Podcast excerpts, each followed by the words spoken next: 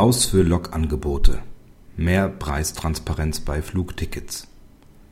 Das Europäische Parlament hat beschlossen, dass Passagiere künftig über den tatsächlichen Flugpreis sowie über alle anfallenden Kosten wie Steuern, Flughafengebühren oder andere Abgaben informiert werden müssen.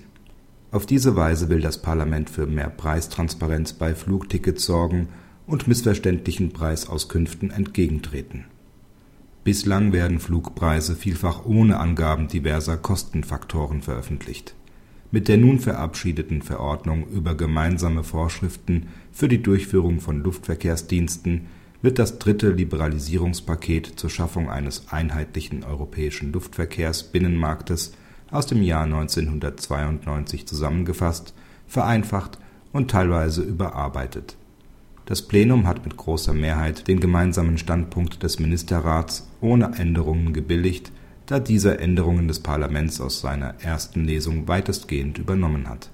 Die Verordnung, die auch Regelungen über die finanzielle Leistungsfähigkeit, die Luftfahrtunternehmen aufweisen müssen, sowie über die Einhaltung von Sozial und Umweltschutzvorschriften enthält, tritt dann unmittelbar nach ihrer Veröffentlichung im Amtsblatt in Kraft